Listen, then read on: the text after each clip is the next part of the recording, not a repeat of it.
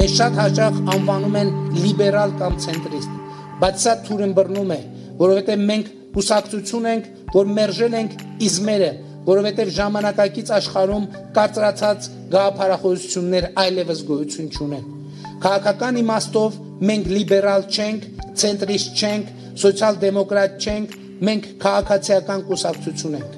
Ինչ է սա նշանակում գործնականում։ Սա նշանակում է, որ մենք մեզ դուրս ենք դնում գաղափարախոսական ստանդարտներից եւ ձևավորում ենք գաղափարական նոր հարթություն, որը հիմնված է 4 առանցքային սյուների վրա՝ պետականություն, քաղաքացիություն, ազգային ինքնություն, անհատականություն։ Հրակ, վերջերս նորից քննարկումներ եղան բարձրաստիճան մակարդակում, դա քաղաքացիական պայմանագիր կուսակցության հարթակն էր նրանց վարչության ընտրությունների ժամանակ եւ իհարկե դրանից առաջ նաեւ դրանից հետո որ անդադ խոսվում է այդ կուսակցության եւ մասնավորապես նոր կառավարության Նիկոլ Փաշինյանի գլխավորությամբ այն քաղաքականության մասին, որը չի կրում որևէ իզմերի հետք Դա արվում է այսպիսի sense հստակ պնդումով, այլ քաղաքականություն է, հա, առաջարկում, որով իբր առաջնորդվում է քաղաքացիական պայմանագիր կուսակցությունը, բայց անձամբ ինձ այդ այդ տեսակի հայտարարությունները ոչ միայն վրթովեցնում ու բարկացնում են, այլ նաև մի տեսակ ինձ թվում է, որ կարիք կա բացատրելու եւ ընդհանրապես քննարկումները ծավալելու հենց այդ իզմերի շուրջ եւ ցույց տալու, որ իզմերը ոչ միայն կան, այլ այն իզմերը, որոնց պատճառով հայ ժողովուրդը այսքան տարիներ կեղեքված է եղել, բառս բուն իմաստով հարստահարված, զրկված իր ունեցվածքից, զրկված նաև այդ թվում եւ ձայնից եւ պաշտպանության հնարավորություններից, որ այդ ժողովուրդը զրկեց այդ կառավարությանը իրենց իշխանությունից եւ փաստորեն տեղի ունեցավ այսպես կոչված թավշյա հեղափոխությունը։ Հիմա մենք ինչ կարող ենք ասել իզմերի հետ կապված, այս հայտարարությունների հետ կապված, որոնք իհարկե պիտի չմնմանվեն հակահեղափոխական ձայներին, որովհետև գիտես ամեն տեսակի քննադատություն, որ հիմա ներկայացվում է գործող կառավարության հասցեին, այդ քննադատությունների մեջ կարծես սենց բոլորը շղարշվում են այդ հակահեղափոխական մի տեսակ բանով, մինչդեռ անձամբ ինձ համար, որպես ընդհանրապես հեղափոխական ռադիկալ անհատ եւ քաղաքականության իմաստով ռադիկալ անհատ բավականին վիրավորական է, որ ասենք, չգիտեմ, իմ քննադատությունը օրինակ Նիկոլ Փաշինյանի այդ հայտարարության մասին նույնացվի այն շոծյան կոչվածների այդ մակարդակի քննադատության հետ, բայց այո, ես ունեմ քննադատական ձայն եւ դրա համար ինձ համար կարեւոր է հենց սկզբից ասել, որ իրենք ընդհանրապես դաշտում չպիտի որպես ձայն հնչելի ու տեսանելի լինեն։ Հիմա իսկական քննադատության մասին վեր խոսենք եւ ասենք ինչն է, որ իսկապես ցույց է տալիս, որ Նիկոլ Փաշինյանի հայտարարությունները իզմերի բացակայության առանց իզմերի քաղաքականության մասին ճիշտ չէ։ Վերջերս արդեն մի քանի օր առաջ նույն այդ քու նկարագրած քաղաքացիական պայմանագիր գուսակցության ժողովի եւ այդ Նիկոլ Փաշինյանի այդ հայտարարութենն յետք ուրեմն առաջին EM-ի վրա զրույց էր մասնակցում էին հրապարակախոս Կարբիս Փաշոյանը եւ ԿԲ Վարշուշյան անդամ, ինչպես նաեւ իմ քայլը խմբակցության պատգամավոր Արմեն Փամփուխչյանը։ Երկու միտքի անդրադառնամ, վերջը փորձեմ անցնել իմ իմ աս հիմնական ասելիքին այս մասին, երբ որ իրենք մերժում են, իրենք ասում են, որ մենք ճունենք իզմեր, չենք հետևում, ուրեմն հրապարակախոս Փաշոյանը որոշ քննադատություններ է անում այն մասին, թե այդ մինչև երբ կարա այդպես շարունակվի։ Ուցե արդյոք միթե Բարակ Մանչիդանի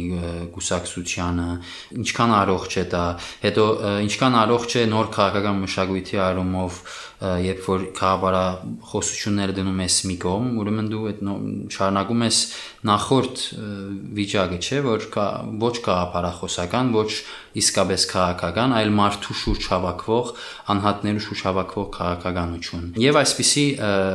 մի շարք հնադատություններ անում, որոնք կիսում են, բայց մի տեղ համացան չեմ եւ նաեւ այնտեղից պիտի շարունակեմ իմ զրույցս հետդ։ Ինքը նաեւ ասում է, որ սխալ է, տենց որ արավոտը ուրեմն արավոտուն սոցիալիստ կարող է լինի, գեսորին կարող է լիբերալ լինի, հետո էլ բան ու էս իզմ չունենալը։ Հիմա ես կարծում եմ մի փոքր այստեղ խնդիր կա դրա մեջ, որ այնքան էլ ճիշտ չի ասել, որ իզմ չկա։ Այսինքն հրաբարակախոսի քննադատությունները գիսելով հանդերձ, կարծես հրաբարակախոսը մի կերպ ընդունում է այն փաստը, որ իզմ չկա։ Սակայն եթե հետևենք քաղաքականության, եթե հետևենք իր դիսկուրսին, իր հայտարարություններուն, հատկապես ինչ վերաբերվում է տնտեսական, սոցիալական հարցերին եւ քննենք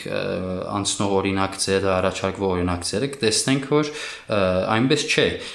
որ իզմ ընդհանրապես չկա, որ արավոդուն սոցիալիստ են, այսօրին լիբերալ են, երեկոյանալ նացիոնալիստ են օրինակի համար։ Հիմա այդ իզմի մասին կխոսիմ, նախապես ալ ես գրած եմ եւ ես կար ես չեմ ճխտում, որ կարող է իրանց խմբի մեջ լինեն որոշ տարբերություններ, որ բյուրեղացած չի, որ գրված սևով սպիտակի վրա գրված չի ու այնպես դոգմատիկ չի, բայց երբ հա- հասնում է խնդիրը գործնականին, ցա այսօր հստակ իզմ կա, իսկ այդ իզմը լիբերալիզմ կամ նեոլիբերալիզմն է,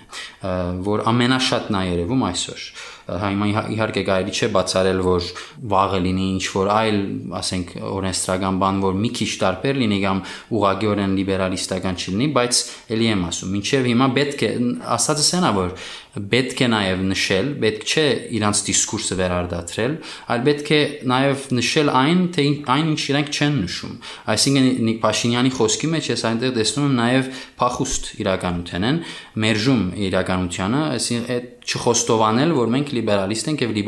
տնտեսական կարգի մեջ ծայրահեղ նեոլիբերալիստական մոտեցումներ ունենք հաճախ։ Բայց տես, իրականում նույնիսկ այն ինչ կարծես թե իրենց հեղափոխության հետագիծն է, հա, օրենքի գերակայություն մի բան, որի մասին խոսում է Փաշինյանը, մարդու իրավունքներ, ժողովրդավարական ընտրություններ, դրանք բացառապես լիբերալ գաղափարներ են, շատ նաև հիմք, հիմքերում ունենալով ինչ որ իմաստով ֆրանսիական հեղափոխությունը, լուսավորականությունը եւ այլն, այդպիսի բաներ իրենք ասում են եւ ինչն է վհատեցնող, որ կարծես բոլորին հիմարի տեղ դնեն, այսինքն նայեք, իսկապես ունենք հիմար մարդիկ, հա, եւ նույն այն Բաբուխանյան կոչվածը, հա, Բաբուխը դրան տենց ենք ասում, նախորդ parlamenti ժամանակ, երբ դեռ քաղաքացիական պայմանագիրը parlamentum փոքրամասնություն էր եւ Նիկոլ Փաշինյանը ընտրվել էր վարչապետ արդեն հեղափոխության արդյունքում, ինքը հարցեր էր տալիս, բա դուք լիբերալ եք թե չէ, այսինքն այդ անգրագետ հիմար ձևով ուզում էին իբր հակադրությունս ցույց տալու, թե կան իբր ազգային արժեքներից հա չակերտավոր բխող այս կոնսերվատիվները իրենք, հա, Ռուսաստանի ես չեմ վախենա ասել կամակատարները, խառնակիչ կամակատարները այս երկրում եւ ուզում էին իբր դրան հակադրել այսպես, հա, մարդու իրավունքների, չգիտեմ, անհատի ազատությունների, ինքնության ազատությունների, հա, լիբերալ պատկեր իբր ներկայացնող ԿՊ-ին։ Հիմա երբ Նիկոլ Փաշինյանը ասում է մենք լիբերալ չենք, նույնիսկ դա է հիմարության մեջ մեզ ոնց որ կար կարծես դնում, որովհետև լավ, բա օրենքի գերակայությունից խոսողը արդյոք լիբերալ չի։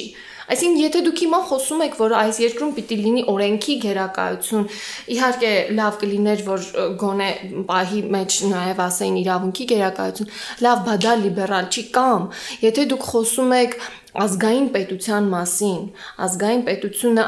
այնուամենայնիվ պահպանում է ազգային պետությունը հենց այն կառուցվածքն է որը պահպանում է բիզնեսի շահերը որտեղ հակառակ դեպքում բիզնեսը ոտնատակ կարվեր բարձ մեծամասնության կողմից իսկ բարձ մեծամասնությունը ժողովուրդն է աշխատողներն են եւ այլն եւ այլն հիմա ինձ համար դա է վիրավորական, որ երբ մեզ ասում են չկան իզմեր, կարծես մեզ հիմարի տեղ դնեն, որ մենք չենք հասկանում իրականում ինչ է կատարում։ Հիմա մի քանի օրինակ քննարկենք, թե այս կառավարությունը կոնկրետ ինչ քայլերով, ինչ քաղաքականություն է վարում եւ ինչ իզմ է դա իրենից ներկայացնում։ Նայեք, ասում են մենք քաղաքացիական կուսակցություն ենք, մեր գաղափարախոսությունը քաղաքացիականությունն է ընդունենք մի միգուցե եւ ընդունենք բայց մենք ունենք քաղաքական գործիչներ իրենց կուսակցությունից ովքեր չեն վարանում ասել որ բիզնեսը դուրս եկավ անցյալ ապրիլ մայիսին ուրեմն հեղափոխություն իրականացրեց իսկապես դուք այդպես եք համարում եւ հետո շարունակում են նա որ մենք պարտավոր ենք պաշտպանել բիզնեսին եւ հենց հիմա իրենք հանդես են գալիս ուրեմն բիզնեսին այսինքն աշխատանքի աշխատուժի ծախսերը նվազեցնող Բիզնեսի գործնեության մեջ այն ծախսերի մասը, որը վերաբերում է աշխատուժին, աշխատուժի ծախսերը նվազեցնող ուրեմն ռեֆորմներով ենք հանդես գալիս, որպեսզի բիզնեսը ուրեմն ծաղկի Հայաստանում, որպեսզի մենք լիքը նոր բիզնեսներ ներգրավենք այս երկիր, ինչի հաշվին էժան աշխատուժի։ Հետագայում մենք ինչ կլինի եւ այլն եւ այլն բարոյական կողմը մի, այսինքն մենք կարող ենք սոցիալական արդարությունը հանգստանանք։ Այո, սոցիալական արդարության հարցը, բարոյական արդարություն, բարոյական իշխանության հարցը մի կողմ թողնենք եւ այս պահին անենք այդ այսպես կոչված չարեփոխումը, հա։ Հիմա այդ մարդը մեզ ուզում է հա, հորդորել, որ մենք ժամանակավորապես բոլորս անբարոյական լինենք եւ ընդունենք այդ համահարթարկման մասին օրենքը, դրա մասին կուզեի իհարկե մանրամասն խոսել, բայց ասածս այն է, որ ես իսկապես շատ վրթոված եմ, որ երբ մեզ ասում են մենք չունենք իզմերով քաղաքականություն, մեզ վիրավորում են նրանով, որ մեզ հիմարի տեղ են դնում։ Ուրիշ չեն ասում, բայց արի մի քիչ Չէ, ես կուզենայի, գիտես, այսքան այսքան ժամանակ է արդեն ծեվի բարը ստեղծվելուց ի վեր մեր տեքստերում, նաև զրույցներում, բայց դրանից առաջ էլ ասում ենք, որ լիբերալիզմը, սա նեոլիբերալիզմը, գուցե արժի մի հատ շատ կարճ նկարագրական դալ վերջի վերջո թե նկարագրես ինչ է լիբերալիզմը եւ մասնավորապես նեոլիբերալիզմը։ Հա, նեոլիբերալիզմը նկարակ ինչու եմ ես ասում, մենք ասում որ նեոլիբերալիզմը երևում է իրանց քաղաքականության առնվազն ամենաակտիվ քաղաքական երևացող ինչև այսօր քաղաքականության տակ դրա համար պետք է գնալ բացատրել ուրեմն լիբերալիզմը ինչն է, որ հետո ասենք նեոլիբերալիզմը ինչն է, իսկ դա բացատրելու համար ուրեմն լիբերալիզմը բացատրելու համար պիտի գնալ կապիտալիզմի ծնունդին եւ փորձեմ արագ կարճ պատմական մանել իհարկե որոշ բաներ բաց կթողնեմ խոշոր թեմա է սա բայց ուրեմն եթե մոդեռն կապիտալիստ հասարակությունները հիմնականում եվրոպական արևմտյան Եվրոպայում ձևավորվեցին 16-17-րդ դարերում սկսան նորմ դառնալ ինչն էր իրանց տարբերում ոչ կապիտալիստական նախ նախակապիտալիստական ուրեմն տնտեսական բաներից մի քանի հիմնական բան առաջինն է որ դրամական հարաբեր փողի հարաբերության վրա էր հիմնված տնտեսությունը այսինքն ալյուրի փոխարեն ոչ թե կաթեմ ստանում այլ ինչ որ abstract վերացական արժեք, որով ես կարամ երթամ գողքի քյուղ ու գողքի գյուղից ուրիշ բան կնեմ։ Երկրորդը, հենց այնա որ այդ արժեքով, այդ абստրակտ արժեքով փողով ես արդեն իրանք սկսեցին նաև աշխատուժ գնել եւ սկսեց ուրեմն քիչ-քիչ սեվավորվել դասակարգեր աշխատավարական դասակարգ եւ կապիտալիստական դասակարգ աշխատավորը իր աշխատանքն էր վաճառում այն կապիտալիստին որը որ իր ցերքի մեջ կետրոնացուցած էր արդատրողական միջոցները հա սա կլասիկ կապիտալիզմի ուրեմն բացատրությունն է եւ այս ամեն ինչը քիչ-քիչ տարավ հասցրեց արդյունաբերական հեղափոխության որ 1760-ից 1820, 1840-ը ուրեմն նկատվում այդ արդյունաբերական առաջին հիմնական հեղափոխության ուրեմն ժամանակաշրջանը։ Հիմա այս ընթացքին է որ այդ լիբերալիստական տնտեսության լիբերալիստ ուրեմն քաղաքապարախոսությունը սկսավ առաջանալ եւ ծնի։ Այսինքն լիբերալ ազատ է նշանակում, հա, լիբերալ ազատական։ Ինչից էին ազատվում։ Հա, հիմա մի լիբերալիզմը ինքը ուներ իր ոչ տնտեսական բաղադրիչները նաեւ մարդկային իրավունքի հետ կապված անվիճարկելի բաներ, այսինքն ընդհանուր ազատության։ Բայց տնտեսական բանի մեջ ինչից էին իրանք ազատվում։ Իրանք հիմնականում փախվում էին կամ մրցակցում էին մերկանտիլիզմի եւ ֆեոդալիզմի հետ, այն միտքի հետ, օրինակ արիստոկրատական ուրեմն տնտեսության եւ տրադիցիաների թակավորական թակավորական ուժի, որ թակավորն է ամբողջ տնտեսությունը իր ձեռքում կենտրոնացնում, կամ ֆեոդալ իշխանությունն է, ինչ որ ասենք լեռն աշխարհի իշխաններն են, որ իրանք են ամեն ինչը հավաքում ստրգացրած մույսներին, հետո մի քիչ փշրանքներ են բաժանում։ Իհարկե, սրանց դեմ դուրս գալը շատ ինչ ինչպես ասեմ, շատ բնական ու առողջ բան է, որովհետեւ չլինեն մենադերեր։ Բայց այս ուրեմն իշխանության ուրեմն բիզնեսը ազատակ իշխանությունից, բեդությունից ազատագրելու ուրեմն այս խաղապարը շուտով այնքան հարաճացավ կամ ցեվագերվեց, որ սկսավ իր հետ լուրջ վտանգներ բերել։ Երբ սկսեցին նույն այդ մանր արդեն իսկ մեծացող բուրժուաները այդ արդյունաբերական ուրեմն հաստատություններ ու դերերը բահանջել որ բեդությունը ընդհանրապես հերու մնա բիզնեսի ղեկավարումից, ընդհանրապես չխառնվի, հատկապես ինչ վերաբերվում է քիչ առաջ իմ ասած աշխատուժի արքու վաճառքին Այսինքն պետությունը պետք չէ նորմեր սահմանի, պետությունը պետք չէ ասի, որ այսքան ժամ մենակ կարելի է աշխատել, սրանից ավել աբորինի է մարդ աշխատեցնելը, նվազագույնը պետք է այսքան ուրեմն աշխատավարձ լինի եւ այլն եւ այլն։ Ուրեմն լիբերալիզմի, գոշտ լիբերալիզմը սկսավ քիչ-քիչ ձևավորվել նույն այդ կապիտալիստ դասագարքի կողմից, որը որ փորձում էր ամեն ինչ անել, որ հանրայինը, պետությունը, հանրային վերահսկողությունը կամ pedagogan վերահսկողությունը դուրս գա բիզնեսից ամբողջովին եւ լիբեր ազատ լինի այդ առումով շուկան ազատ լինի ինչ ինչ կուզի անի շուկա կոչեցյալն էլ բեր ընդունենք որ աշխատուժն է այսինքն ամենամեծ ձևով աշխատուժին էր վերաբերվում բոլոր տեսակի քաղաքականությունների իրականացումը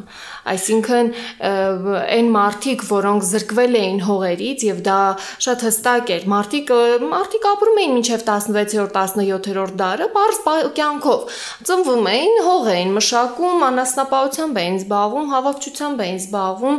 ինչ որ իմաստով արհեստներ էին անում եւ այլն, ապրում էին ինքնաբավ ձևով։ Հիմա իրեն ասեցին հողը տվեք արդյունաբերողին, դուք եկեք իր կառուցած բետոնե քարե շինության մեջ աշխատեք որպես բանվոր։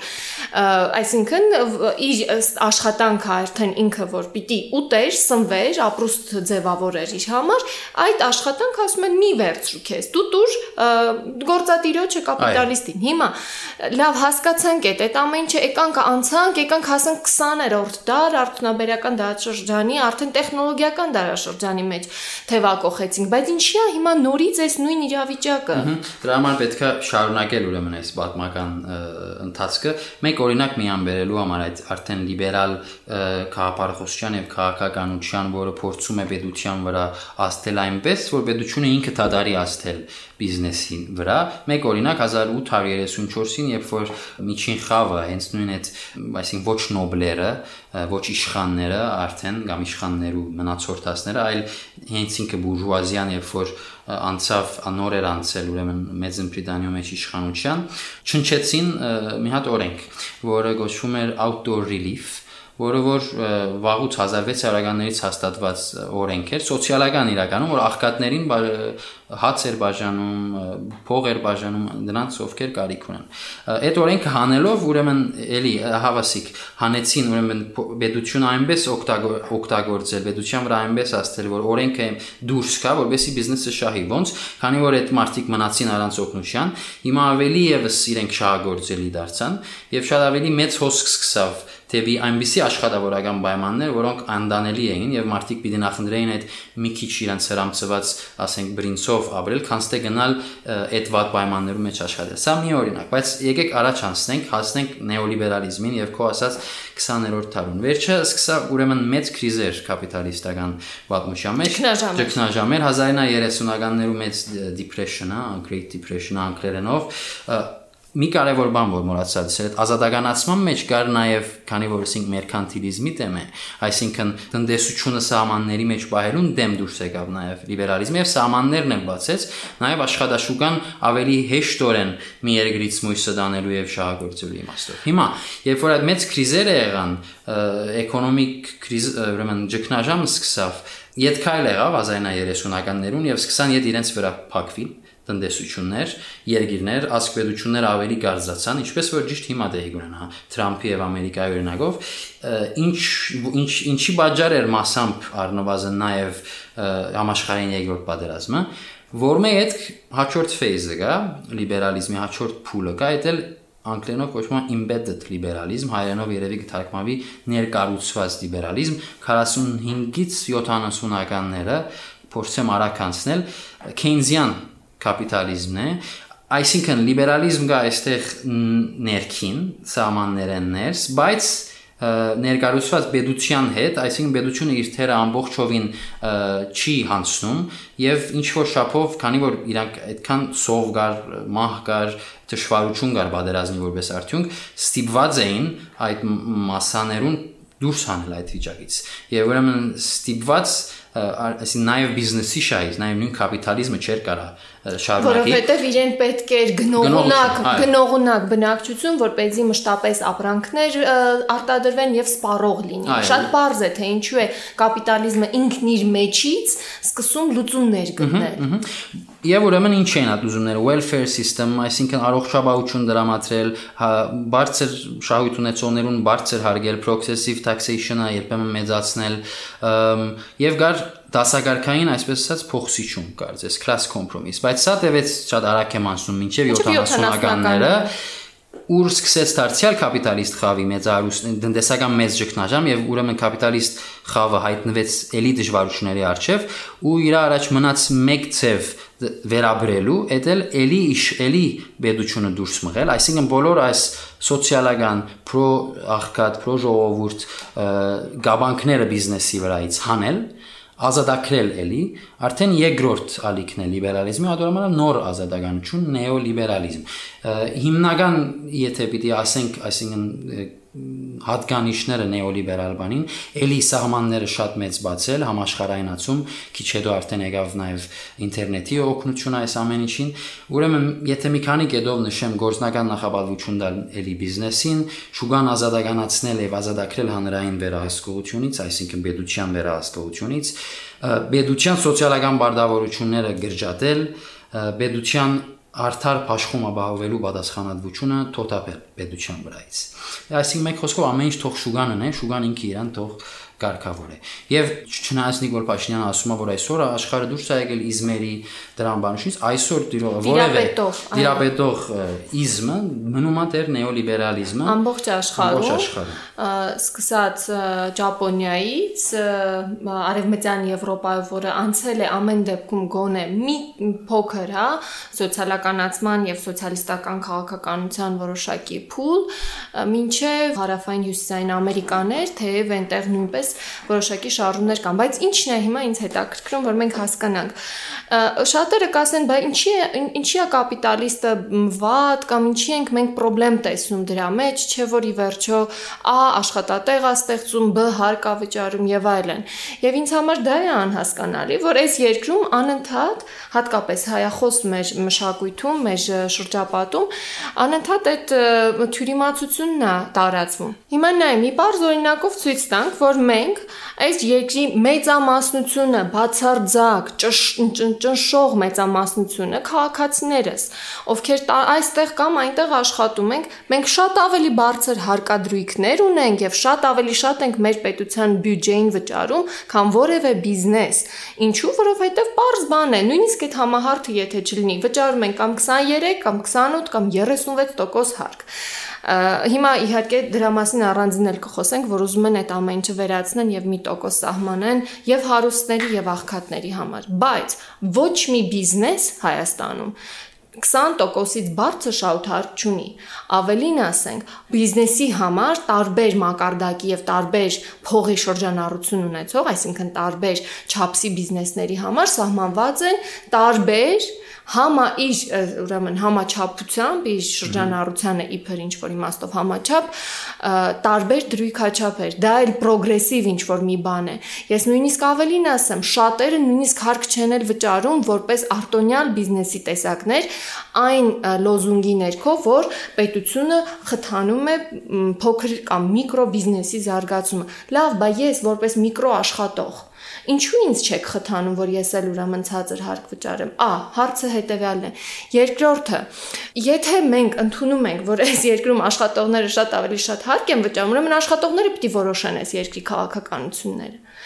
Եթե հանկարծ ստացվի այնպես, որ բիզնեսը ավելի շատ է հարկ վճարի,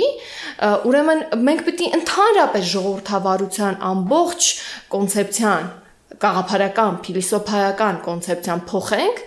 եւ ոչ թե անունը դնենք օրինակ դեմոկրատիա, այլ դնենք կորպորատոկրատիա։ Այսինքն երկիրը ղեկավարում են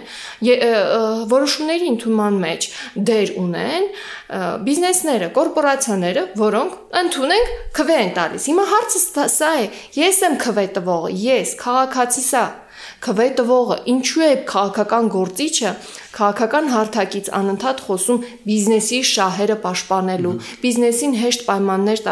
տրամադրելու մասին։ Եթե սա իրավիճակը, սա նեոլիբերալիզմն է։ Հա, մեջբերումով կդրեմ խոսքը, վեր թողեմ շարունակես ճիշտ քո ասածի, որովհետև բան աչքիս առաջ եկավ, այստեղ ես հավաքել եմ այդպիսի հայտարարությունների մի մասը, ուրեմն Վարաստատ Կարապետյան գարգարուն ներկայացուցիչներ են իմ քայլը խմբակցության, հատկապես այս տնտեսական հարցերով խոսող մեջբերում եմ հունվար 2018-ի իր մեկ հարցազրույցից։ Ձերնակ իրա խոսքերն են մեջբերում ձեռնարկությունները կարող են կառավարության պատվեր տան անընդհատ ու կառավարությունը շատ թեթև մասնագիտական քննարկելով պետք է այդ մարդկանց խնդիրները լուծի ուրիշ ֆունկցիա կառավարությունը տնտեսության մեջ չունի առանձնապես իրականացնելու այստեղ միջամդում է ուրեմն հարցազրույց վարողը ասում է բայց կներեք այդ գործարարները գալու են ասելու են հարգերը իջեցրեք Վարոն Կարապետյանը ասում է, այո։ Հետևյալն եմ առաջարկում։ Եթե իմ քայլը խմբակցության մեծամասնությամբ ԱԺ-ն եւ կառավարությունը պնդում են, որ իրենք առանց իզմերի IS մեջ բերված քաղաքականությունն են վարում, ուրեմն ես առաջարկում եմ հանել ընտրական համ, ընդհանրապես համակարգը, մենք որպես քաղաքացիներ չընտրենք իրենց, իրենց թող ընտրեն բիզնեսները, քանի բիզնես կա Հայաստանում գրանցված, թող իրենք ընտրեն, թող բիզնեսներն էլ որոշենով պետք գնա կառավարություն եւ ընդհանրապես թող բիզնեսներն էլ անեն հեղափոխություն, թող իրենց մարմինը դնեն ոստիկանի տակ, թող իրենց գույքը դնեն ոստիկանների այդ մահակների տակ, թող իրանք իրանք ծեծվեն, թող իրանք գույքը ջարդու փշուրարվի, թող իրանք տույժեր կրեն, վարչական տուգանքների ենթարկվեն եւ այլն սա է իրականում այն քննադատությունը, որ ես հիմա ունեմ։ Սուտ է այն պնդումը, որ առանց իզմերի քաղաքականությունը եւ իբր քաղաքացիական։ Եթե քաղաքացին քեզ որպես կառավարման ուրեմն պատասխանատու տալիս է իր քվեն եւ տալիս է պատվիրակում, հա, մանդատ, որ իր շահերը դու ներկայացնես, դու չես կարող այսօր խոսել այդ գործարարից պատվեր ստանալու քաղաքականություն վարելու մասին։ Ուրեմն հանեք, պատրեք այդ դիմակները եւ փոխեք ընդհանրապես կառավարման համակարգը, ասացեք այլևս սա ժողովրդավարական պետություն չէ, այլ սա բիզնեսա վարություն է։ Առաջին լուրջ համագարկային փոփոխությունը հենց էս հարկային փոփոխությունն էր։ Դրանից բացի չկա, չէ, որևէ այդ աստիճանի լուրջ համակարգի ասենք փոփոխություն, որ բավականին շեղում անի դրամաբանությունից պրոգրեսիվից անցումը համահարթին, այստեղ վիճելու տեղ չկա, ոչ ոք կարող է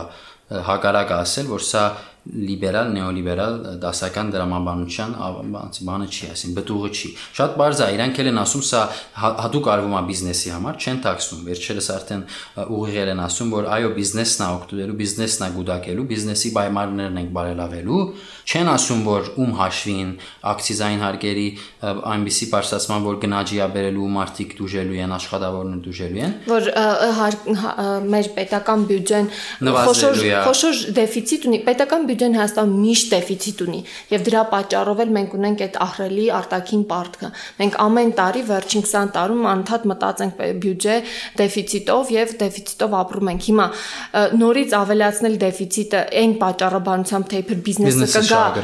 բիզնեսը կգա Հայաստան ավելի շատ բիզնես կլինի եւ իբր իբր ավելի շատ աշխատատեղեր կստեղծվեն մեռանք ասելով որ համաշխարհային նման փորձ կա եղել է եւ ձախողվել է հենց նեոլիբերալ փորձն է որ օրինակ փաստվել է իրացախողություն 2007-8-ի կրիզով որտեղ որ էլի արտոնություններ դրվեցին նույն բանկերին ու այդ միլիարդադերերին ու միլիոնավոր մարդիկ փաստացի աշխատանքից ծրկվեցին։ Ինչ տեղ ունեցավ 2008-ին ֆինանսական փուչիկի պատճառով, որ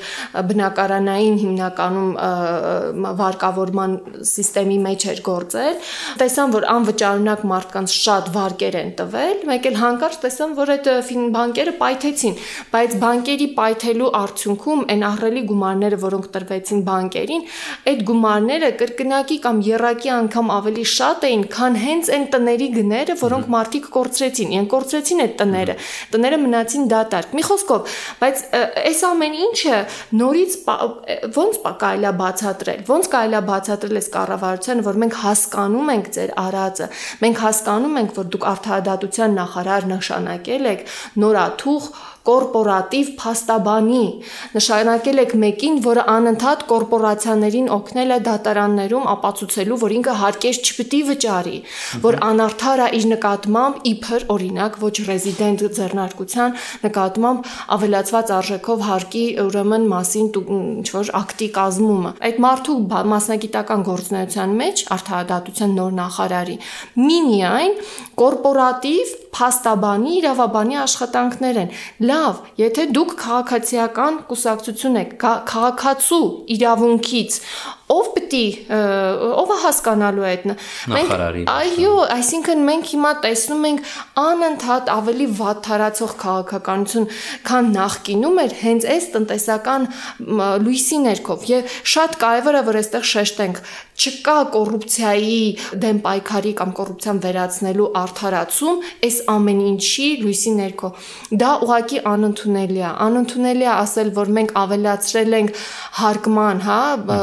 բազան այն ստվերի հաշվին որովհետև ստվերի հաշվին դուք ընդհանրապես բյուջեն եք ավելացրել բայց դուք բյուջեն քաղաքացու վրա չեք ծախսում եւ մեկ այլ էլի մտահոգիչ դժբախտաբար էլի մտահոգիչ նախագիծ նոր համահարթը դեռ չմարսված միանգամից էլի առաջ է մղվում աշխատանքային օրենսգրքի նոր օրինակիցը, որում էլի pro business եւ շատ հստակորեն հակաաշխատող օրենսդրական փոփոխություններ են առաջարկվում այս առաջարկ օրինակից ներկայացվել է տնտեսական ուրեմն տնտեսության նախարարության կողմից էլի նույն ուղությունն է անենք այնպես որ բիզնեսը ավելի կարողանա շահագործել աշխատողին, որովհետեւ բիզնեսը բարգավաճի եւ այլն եւ այլն։ Փորձենք ամփոփել։ Փորձենք ամփոփել, ես ուզում եմ իհարկե չեմ ուզում այսպես վատաբանական եզրահանգման գալ, բայց անցյալ շաբաթվա ընթացքում իհարկե բավականին ազդված է Եգիպտոսի ուրեմն նախկին նախագահի, այսինքն արաբական զարթոնք կոչված այդ շարժումից հետո իշխանության եկած 1 տարի ժողովրդավարական ուրեմն ընտրություններով ընտրված Մոսրի, հա, ուրեմն մահվան դեպքով եմ շատ մտահոգված եւ ուզում եմ անպայման դա հիշատակենք, ուրեմն արաբական գարունը տեղի ունեցավ դիկտատուրայի մեջ ուղակի տապակված, հա, շատ կեղեքված մի հասարակությունում վարթարացիորեն է զայրույթը դուրս դուրս եկավ եւ իսլամական եղբայրություն ուժը ստանձնեց նոր իշխանություն իշխանությունը եւ իսկապես ժողովուրդը ընտրեց Մոսրին որպես նախագահ։ Ինչ արեց նա։ Նա իսկապես ճիշտ է հեղափոխական այդ շարժման ընթացքում աչքի ընկած առաջնորդ չէր նա, բայց ամեն դեպքում ընտրությունների ժամանակ մեծ վստահություն էր վայելում։ Նա սկսեց ուրեմն այնպիսի քաղաքականություն վարել, որը սահմանափակում էր մարդկանց եւ ազատությունները, բայց առավել քան ազատությունները մտցրել էր այնպիսի ուրեմն օրենսդրական սահմանափակումներ, որոնք աշխատավորների օրինակ արմիություն կազմելու իրավունքն էին ավելի սահմանափակում, տնտեսական լուրջ խնդիրներ էին առաջացնում եւ մի տարի պաշտոնավարելուց հետո տեղի ունեցավ հեղաշրջում այդ երկրում։ Եվ այդ հեղաշրջումը հնարավոր չեղավ ոչ կասեցնել, այսինքն չկարողացավ ժողովուրդը կասեցնել, ոչ էլ առավել եւս արդեն 6-րդ տարին է ավելի մեծ դիկտատորական ուրեմն պայմաններում ապրում է այդ ժողովուրդը այսինքն ուրեմն ուզում եմ ասել, որ տնտեսական քաղաքականությունը դա հանակ մասխարություն չի։ Տնտեսական քաղաքականությունը ժողովրդի գործողության հիմքն է։ Եվ եթե այս տնտեսական քաղաքականություն շարունակվի բիզնեսին ծառայել, ժողովուրդը դուրս է գալու դեմ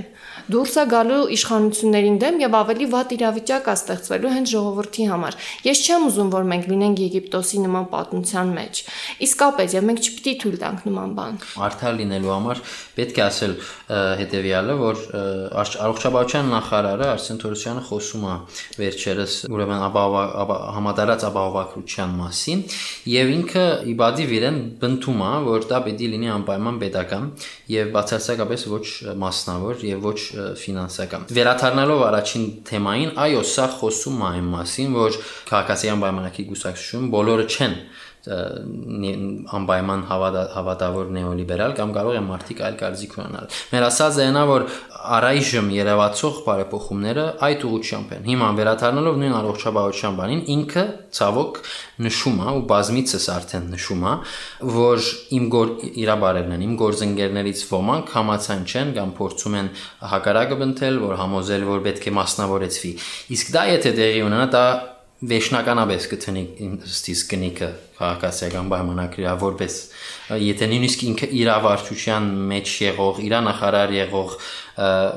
մարդու ոչ նեոլիբերալիստական մոդեցումը սոցիալամետ